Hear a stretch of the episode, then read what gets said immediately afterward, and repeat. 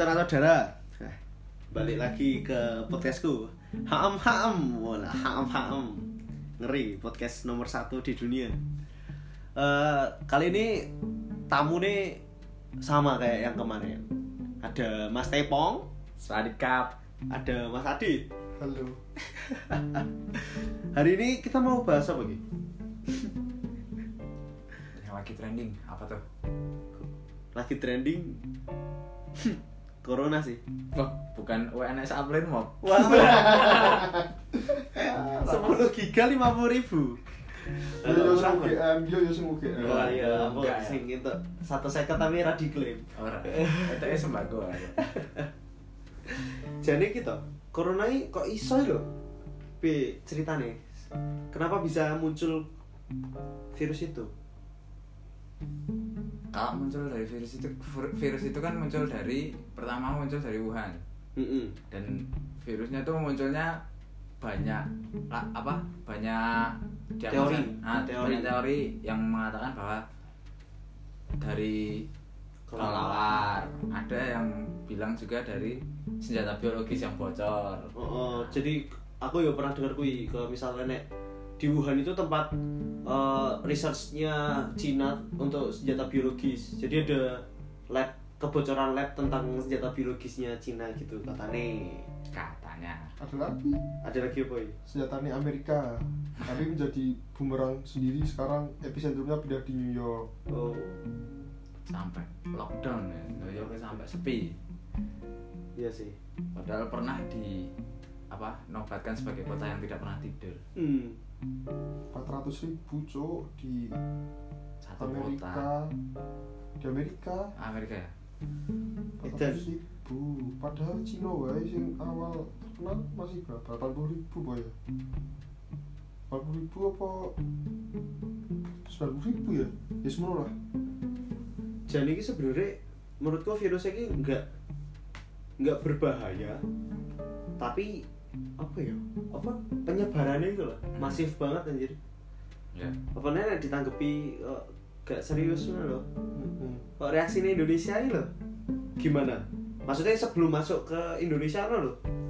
sebelum masuk ke Indonesia sih ya ini eh, menurutku emang belum ada kebijakan dari pemerintah yang untuk apa ya tindakan pencegahan preventif untuk eh, kesiapan rumah sakitnya pun nggak ada jadi untuk APD untuk masker-masker di rumah sakit dan peralatan seperti ventilator mungkin itu nggak ada kesiapan sama sekali. Mungkin untuk kesiapan mental warga negara sendiri udah ada. Oh, aku dulu uh, udah denger berita corona tuh mulai Desember. Iya, Desember Desember. udah. Aku merhatiin saham ada kuna-kuna ini. Aku aku aku ikutin lah sampai aku magang di Jakarta. Itu warga di Jakarta itu udah punya kesiapan untuk corona itu datang. Hmm. tapi di pemerintahannya sendiri itu belum. Tapi di warganya tuh udah ada kesiapan. Aku aku sendiri pun termasuk yang uh, belum siap sebenarnya. Jadi aku naik KRL aku nggak pakai masker sendiri Hmm. pada pakai masker untungnya belum sampai ada korban aku udah balik ke Solo belum ada ODP Mm-mm. tuh tapi waktu pakai yang lain pakai masker itu kejadian menipisnya masker gara-gara penimbun itu udah ada apa belum udah ada sebenarnya Udah ada sih. berarti Orang-orang yang bisa melihat peluang sebenarnya, tapi dengan cara yang salah menurutku. Ya karena bisa dilihat ya eh, di bulan Desember itu udah ada berita awal munculnya corona. Corona. Mungkin akhir November juga itu udah ada. Ya mungkin yang pinter lihat peluang dan pinter nakal mungkin udah bisa sih ya lihat itu masa-masa timbun karena emang harganya masih relatif murah. Eh, tuku masker berapa? 60 ribu.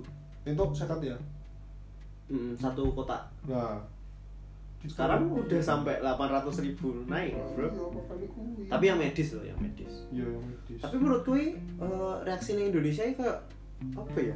Seharusnya tuh dari mungkin dari November atau Desember dua bulan dua bulan lah minimal itu bisa dibuat untuk pencegahan gitu loh Kalau misal tapi nyukur corona kan keluarnya 31 Desember itu Gemparnya. kembarnya. Gemparnya sebenarnya sebelum sebelum itu Desember pun eh sebelum 31 Desember itu udah ada beritanya.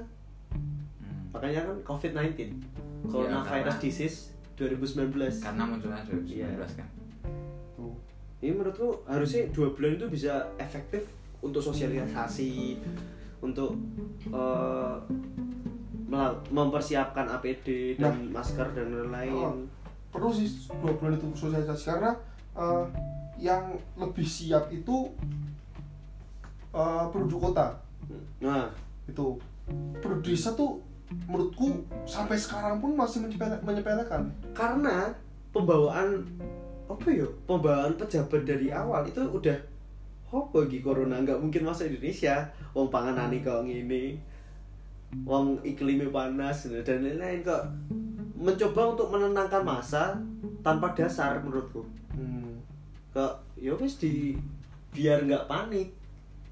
Tapi jatuhnya malah masyarakatnya juga masuk pas wak- waktu corona masuk masyarakatnya nggak siap. Hmm. akhirnya banyak penolakan di mana-mana ketika terjadi. ODP diusir terus Arab ngubur. Nah itu paling gila itu. Ngubur ditolak. Kayak gimana ya kalau misalkan eh, bayangin sendiri kalau misalkan itu keluargamu gitu loh. Heeh. keluargamu misalkan ya tapi semoga aja jangan. Itu dikubur tapi ditolak gitu loh.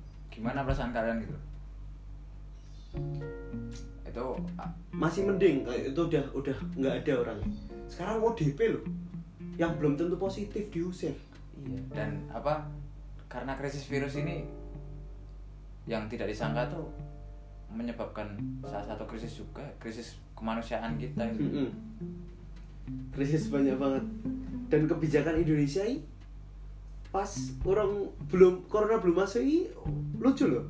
Aku kemarin jadi ILK ada yang uh, membahas tentang kebijakan Indonesia sebelum corona masuk ini. ILC ILC ya ya di ILC itu yang diangkat itu ada tiga. Kalau nggak salah tuh yang pertama ini malah ningkatin subsidi Ireland padahal kan penerbangan ya penerbangan. penerbangan. Padahal kan yang lain tuh pada ditutup gitu loh. Maaf diskon di mana-mana ya? Dari luar negeri itu. Apa masih mempertahankan investasi? Masih mencoba mempertahankan investasi? Terus yang kedua ini rada lucu ya nih membayar influencer untuk buzzer doang. Sebesar 79 miliar bro. gila. Padahal kalau 79 miliar dialokasikan untuk APD untuk masker dan lain-lain alat tes juga bisa. itu bisa lebih efektif menurutku.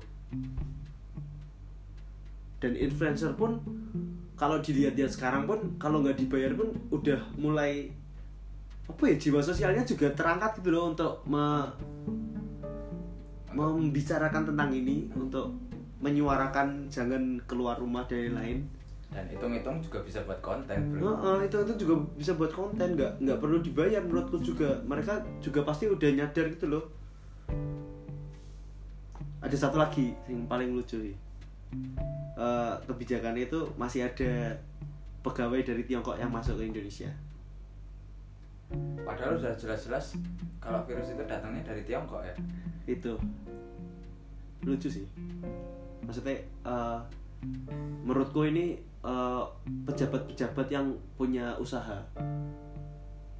Yang jadi kok dia pejabat tapi punya usaha. Jadi untuk gen usaha ini saya lanjut ngadain kebijakan seperti ini. banyak ya pejabat yang usaha.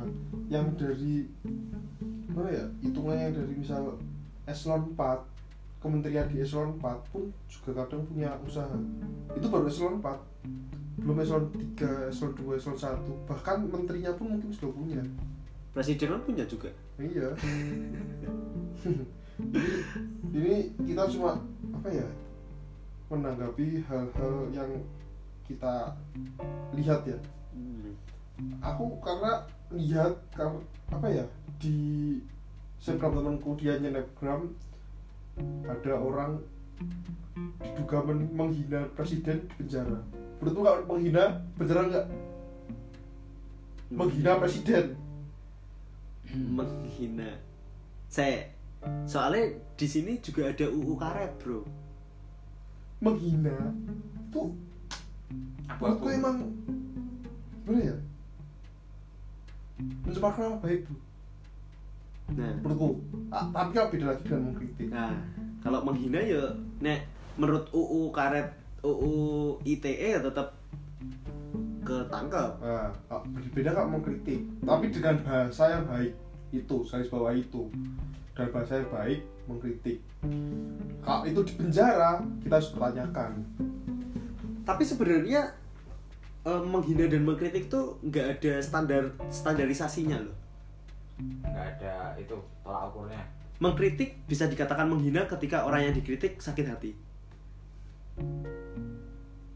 Nah ketika tapi dilapor ke lah aku diomongin ini ratri mono nah, makanya banyak sekali UU karet sing dijadikan senjata sekarang. Apalagi la- lagi krisis-krisisnya kayak gini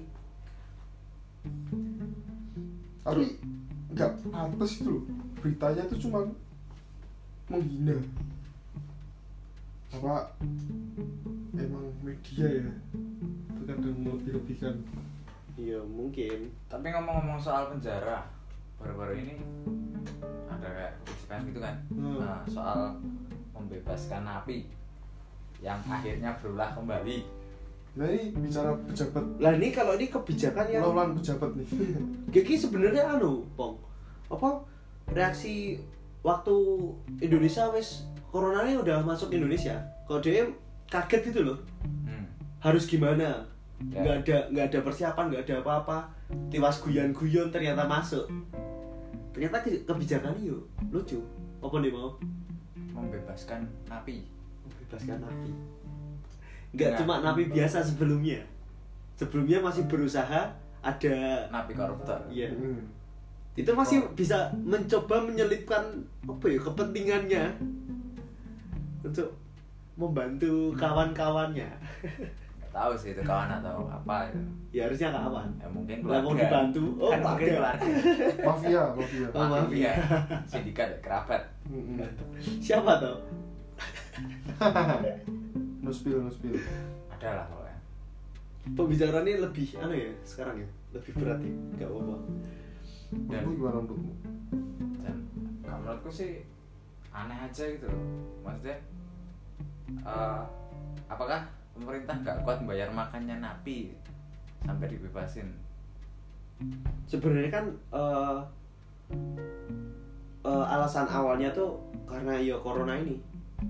Kalau sekarang kan eh, alasannya di Indonesia lapas itu udah overload semua misal yang harusnya 200 orang itu udah bisa diisi sampai 400 sampai 500 sampai tidur tumpuk-tumpukan. Sampai tidur bergantian juga ada. Jadi alasan mereka sebenarnya juga ada tapi sebenarnya bisa dengan cara yang lain. Iya Iya. salahnya iya. Yo yo yo bener sih kalau misal di di lapas kan itu udah termasuk di lockdown. Iya kata dan i- itu loh yang yang yang agak masuk akal tuh ya itu lockdown itu kan. Kalau aku lihat kemarin ada Tompi Tompi itu kan dokter juga kan. Dia tuh nge-tweet eh, kalau nggak salah punya itu gini eh, yang di penjara tuh kan ada di lockdown ya. Kalau misalkan udah di lockdown justru kebijakannya tuh bukan dibebasin karena emang nggak ada yang masuk ke biar nggak ada yang masuk ke situ tuh justru uh, yang sipirnya itu yang bu- hanya boleh masuk dan nggak ada yang namanya penjengukan napi supaya nggak ada orang ma- keluar masuk di lapas. Karena Hmm. di penjara itu udah lockdown dengan sendirinya udah nggak nggak perlu ada keluar masuk. Jadi yang perlu di apa ya dirawat tuh ya emang napi sama yang perlu dihati-hati lagi sipirnya tuh terus menurutku juga lebih baik napinya itu dibudayakan oh Oke, iya benar. Kayak misalkan Kayak kayak misalkan- yang di Malaysia itu ya bikin masker. Nah masker bisa. Hand sanitizer juga bisa kalau misalnya masih butuh. Hmm. sabun tuh banyak yang bisa digunain dari napi daripada sekedar dilepaskan nanti ditakutkan dengan dia dilepaskan itu kita juga krisis ekonomi kan? Otomatis napi keluar nggak punya penghasilan nggak punya kerjaan apa yang akan dilak- dilakukan lagi? Mencuri lagi. Iya itu. Balik lagi ke penjara. Terus ngopo sebenarnya kalau misalkan balik lagi ke penjara dia nggak ada corona yang melekat pada dirinya itu nggak masalah Nah. tapi kalau misalkan habis keluar dia terus maling lagi tapi pada keadaan itu dia udah dapat corona masuk lagi ya selapas itulah sebenarnya sama Nek, kayak gitu jadi misal nggak ada pelepasan napi nih Hmm. terus ada penangkapan lagi Ya. orang yang ditangkap corona Hmm. itu juga bakal nyebar Tapi kan kalau misalkan ada yang ditangkap kan juga bisa kita melakukan tindakan pencegahan yaitu Isolasi sebelum ya sebelum dimasukkan kepada ke penjara itu kita bisa screening orang yang habis melakukan itu Mm. kita cek dulu di swab dulu kan ya mungkin tetap ada kelebihan dari pelepasan ini untuk menyegah kui tapi menurutku lebih lebih baiknya nggak dilepas nah loh ada Iya. cara lain selain melepas gitu Iya. loh Oh. ya itu dari melepas kui malah muncul masalah masalah baru. baru sekarang habis pelepasan nih terus muncul kebijakan lagi. Eh, orang-orang yang nongkrong lebih dari lima orang dikenakan denda atau dila- dimasukkan penjara. Lah kan ya muter-muter terus ya jadi ini iya. Tapi di beberapa daerah lima orang pun juga katanya Ditangkap di- juga? tangkap juga. Kan? Sebenarnya piye antara ko- koordinasinya yang buruk atau emang pemerintahnya buruk? Tapi koordinasinya apa pemerintah pusat dan daerah tuh kadang ada yang masih nggak connect gitu loh. Kayak misalkan daerah udah eh, melakukan inisiasi seperti ini tapi belum ada apa-apa dari pusat. Hmm. dan dari pusat pun nggak apa nggak apa ya nggak menindaklanjuti soal hal itu gitu. dan menurutku karena itu kok di di pemerintahan itu terlalu birokrat.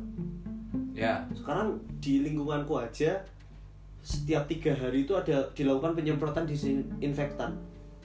Itu inisiasi dari Pak RT nya sendiri. Belum dulu itu belum ada apa-apa dari pemerintahan.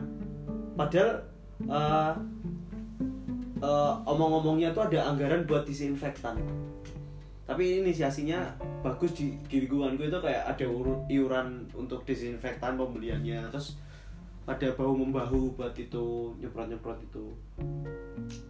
Kayak kayak apa ya terlambat gitu loh menurutku kayak ya reaksi mereka tuh kayak nggak tanggap. Nggak oh nggak tanggap belas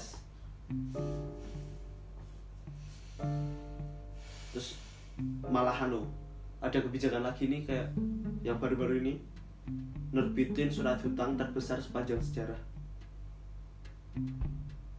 Pendapatmu be? Gak aneh sih. Di tengah-tengah krisis ya. Tapi alasannya rodo masuk. Gimana? Untuk mempertahankan apa ya? Mempertahankan ekonomi Indonesia. Tapi aku juga lihat-lihat eh, ada yang kontra kan dengan kebijakan itu terus alasannya gimana? Kalau kita dipercaya untuk hutang dalam jangka waktu 50 tahun berarti itu artinya kita masih dipercaya di dunia internasional. Menurutku itu alasan yang agak aneh sih. Sekarang hutang yang konotasi negatif diangkat de- dibungkus dengan konotasi positif. Ya. Dan ada teori juga kan masalah hutang eh, perangkap hutang Cina. Ya. Tahu kan? Ke Cina Cina itu memberikan hutang besar tapi ketika tidak bisa bayar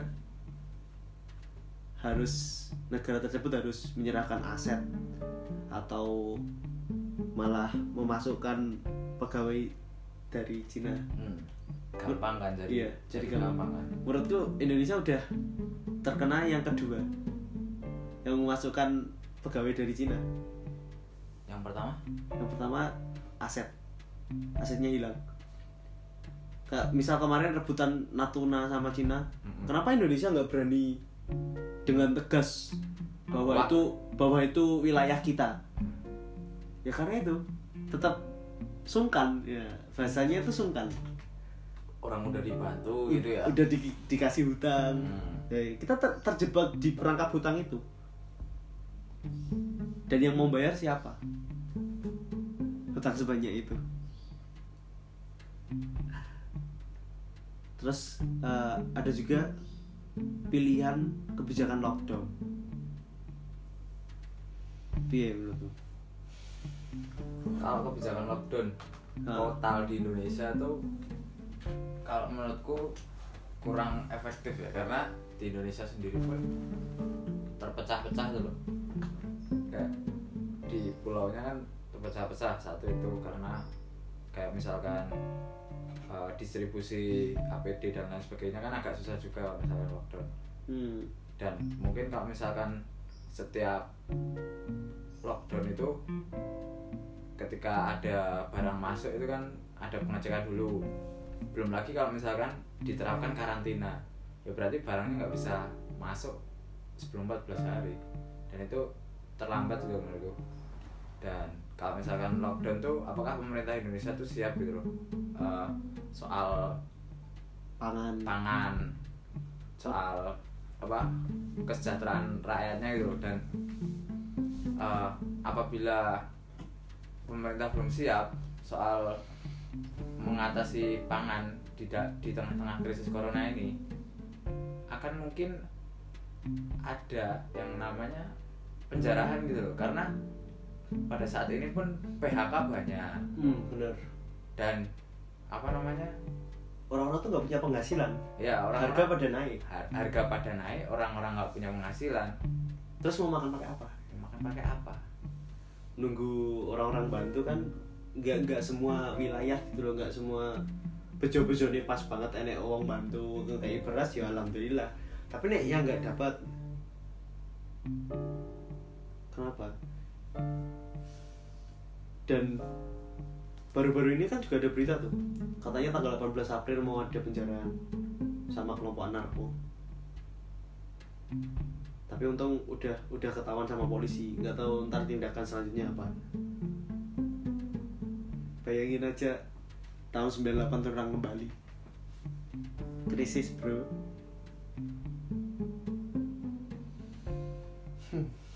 Dan yang bisa diotak atik di corona ini eh di corona di tengah-tengah pandemi corona ini. Ekonomi sosial sama politik emang. Ya eh, gimana ya? Buat mempertahankan suatu negara pun eh, yang paling utama tuh emang kesejahteraan masyarakat dari bidang ekonomi Hmm. maupun sosial ekonomi masyarakat Nah, karena Indonesia emang terkenal dengan jiwa sosialnya, untuk opsi lockdown pun aku aku sendiri pun nggak nggak nggak setuju. Aku aku sendiri loh. Nah, kenapa itu mas Nah, kita lihat lah. Kowe, kowe kok ngendi? konjaten Nek wis lockdown tekan kene pura. lah iya. Itu salah satu contoh kecilnya lah. Nah, itu terus tadi udah disebutin contoh tentang pangan. Ekonomi pun memang baru-baru ini juga kebijakan udah diterapkan dari Menteri Keuangan tentang itu tadi utang apa itu terbesar apa apa tadi? Yo tahun terbesar sepanjang sejarah. Nah, berapa miliar gitu? Empat eh triliun. Berapa ya triliun? Kak, ya menurutku itu juga langkah yang apa ya krusial di tengah ini menurutku udah krisis. Iya. Krisis. Krisis banget. Karena kenapa bisa krisis? Karena juga kesiapan kita di awal juga nggak nggak nggak bisa dibilang matang. Iya itu. Karena emang dianggap apa ya corona. Emang menurutku sih penyakitnya tuh nggak berbahaya cuman daya sebar itu. Nah cuman yang ditakutkan ya itu. Penyebarannya. Penyebarannya. Terus Dan- dia bisa membahayakan orang yang punya sakit bawaan. Itu yang usia lanjut usia lanjut. yang membahayakan itu. Kalau buat kita yang sehat-sehat yang masih muda ini mungkin imun masih kuat. Ini masih kuat. Sebenarnya kan musuhnya imun. Mm-mm. Ya, kayak HIV virus kan memang menyebab- menyerang imun. Virus Ebola, HIV, hepatitis. Dan karena apa ya tang- tanggapan pemerintah yang di awal seperti itu jadi kayak masyarakat ya mungkin masyarakat kota yang udah memiliki ilmu lebih kan mungkin ke bisa baca-baca berita sendiri dan lain-lain. Tapi masyarakat masyarakat desa gitu loh. Nah, misal tetanggaku ada Iya. loh yang dia tuh udah udah tahu ODP tapi karena dia merasa badannya sehat tetap kita di sosialnya yang terganggu. Iya. Makanya itu gimana caranya kita bisa mempertahankan agar ekonomi tetap bisa bertahan sama sosialnya itu. Karena ya emang apa ya eh senajan ya dewi iki wong Jawa. Emang kita tuh orang Jawa yang nggak lepas dari hubungan sosial. Ya oke nek Cina di lockdown? Gampang-gampang wae. Wong wong orang-orang kota emang kalau misal di lockdown emang dia bisa bertahan. Sekarang kalau petani di lockdown.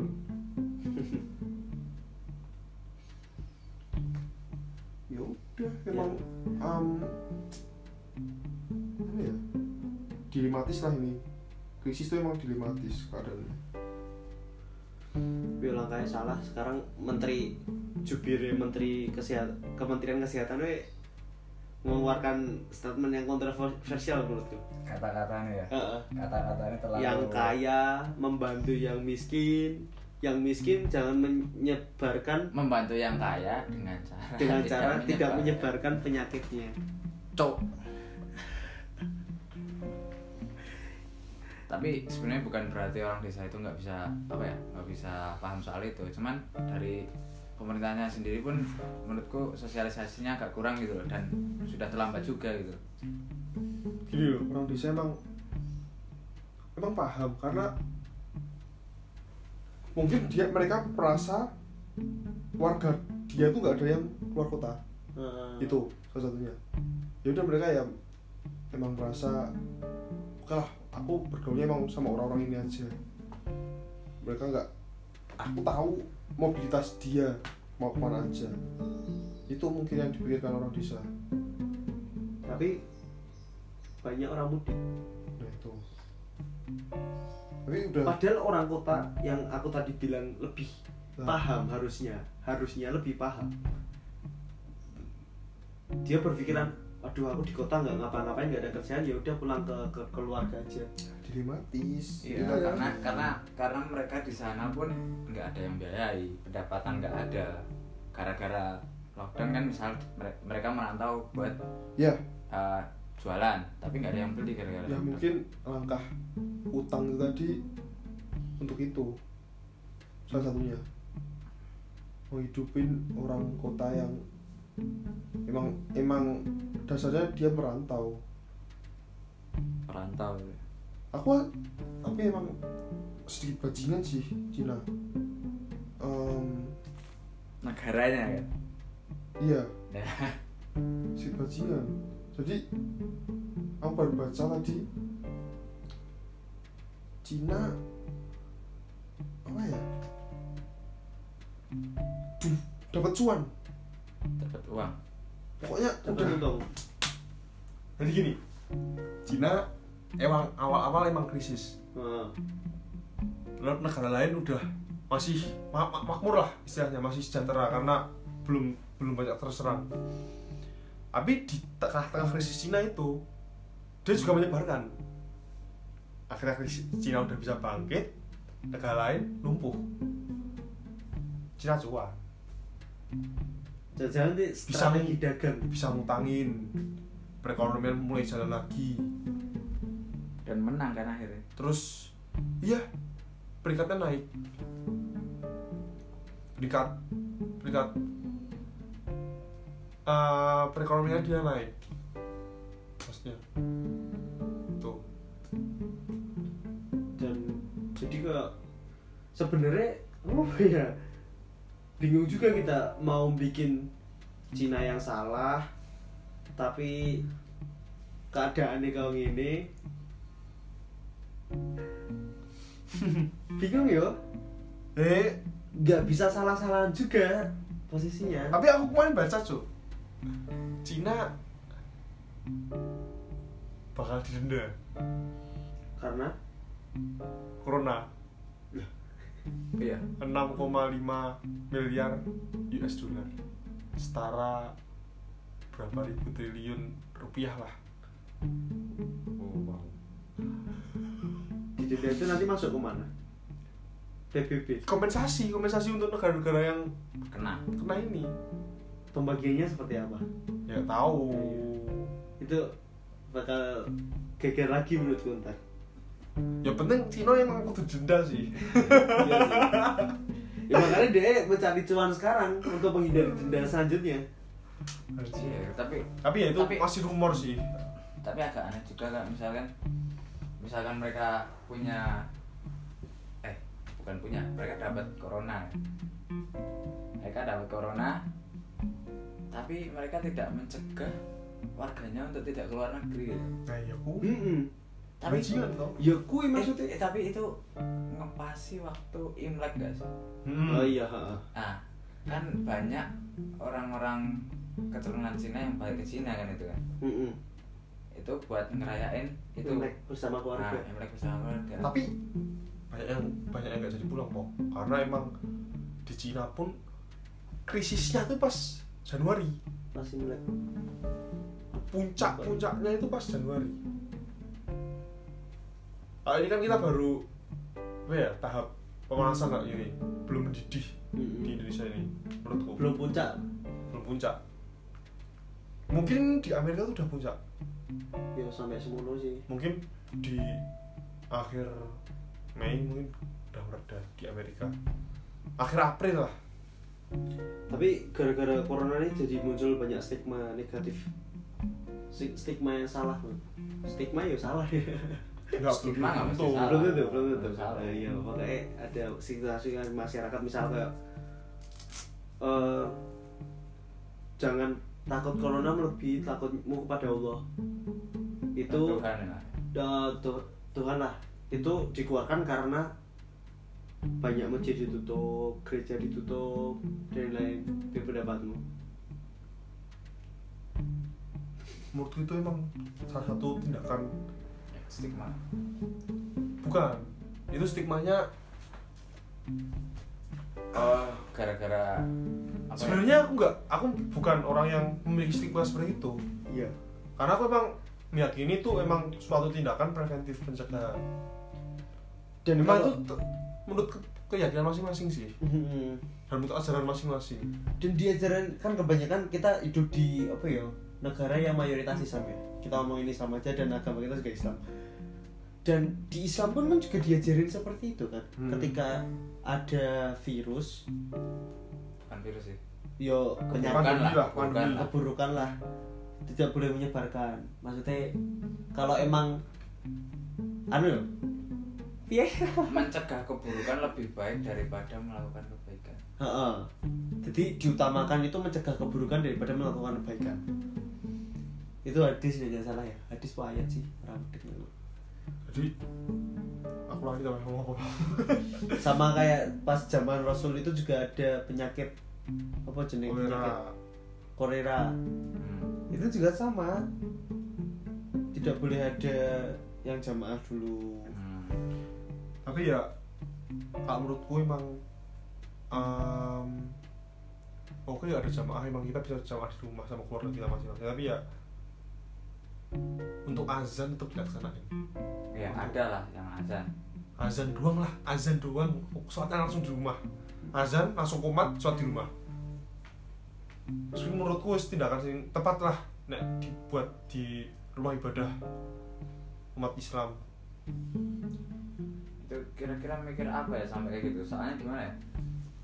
Eh, aku pernah dapat gambar nih di 9K apa di mana ya itu a- ada kayak percakapan buatan lah kayak ngarang lah istilahnya Hmm. gini eh, apakah corona itu benar-benar serius Hmm. ya kita lihat saja bro Eh, tempat ibadah ditutup tempat perjudian ditutup ketika yang jurusan surga dan jurusan neraka sama-sama tutup dan sama-sama setuju pada satu hal bukankah itu sangat-sangat iya serius? betul. Masa sih? Tapi dari kejadian ini juga banyak positifnya juga. Kita jadi kayak merasa bisa merasakan kekeluargaan lebih erat anjir. Dan lama banget aku belum pernah jamaah sekeluarga karena karena karena corona jadi bisa jadi bisa ya mungkin nggak bisa keluarga inti eh nggak bisa keluarga besar juga tapi setidaknya keluarga inti bisa lebih erat juga. Bisa merasakan kesendirian gimana rasanya sendiri juga. Bisa lebih mengerti diri sendiri sih. Heeh. merasakan lockdownnya Palestina. Uh, dan salah satu dampak positifnya juga kalau kita lihat di India itu Himalaya kelihatan boy. Setelah 30 tahun tidak kelihatan. Hmm. cuk saya dari itu tidak kelihatan gara-gara polusi. Oh. gini gini gini ini yang salah satu yang apa ya? Oke polusi udara berkurang. Nah, polusi air sabun. Penggunaan sabun meningkat bro? Iya, iya, iya. Penggunaan sabun meningkat. Terus? Akhirnya gimana? Penggunaan sabun meningkat asalkan apa filtrasi dari apa sistem pengaliran drainase di semuanya eh, lancar-lancar aja nggak apa sih. Tapi eh, udaranya udaranya udaranya jadi bersih Hmm, bersih. lautnya jadi kotor. Disinfektan juga disemprot-semprot oh iya betul. Trade off sih menurutku. Satu hilang satu muncul.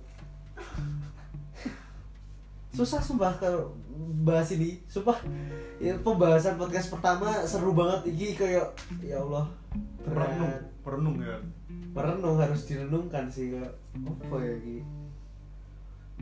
Menurutku yo solusinya yo kita harus sadar gitu loh. Walaupun nggak ODP yo mbok neng omah sih. Solusinya emang gitu.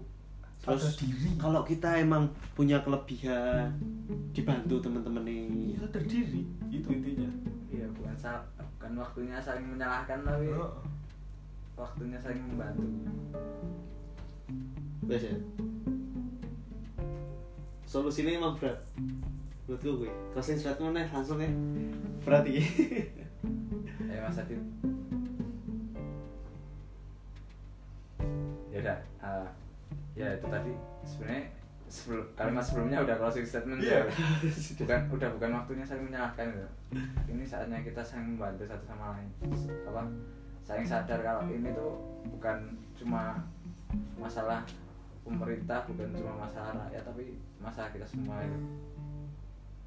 aku ya posisinya temenku ya. Nyadar cuk.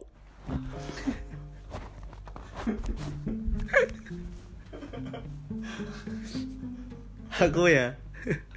Wes mau diomong ya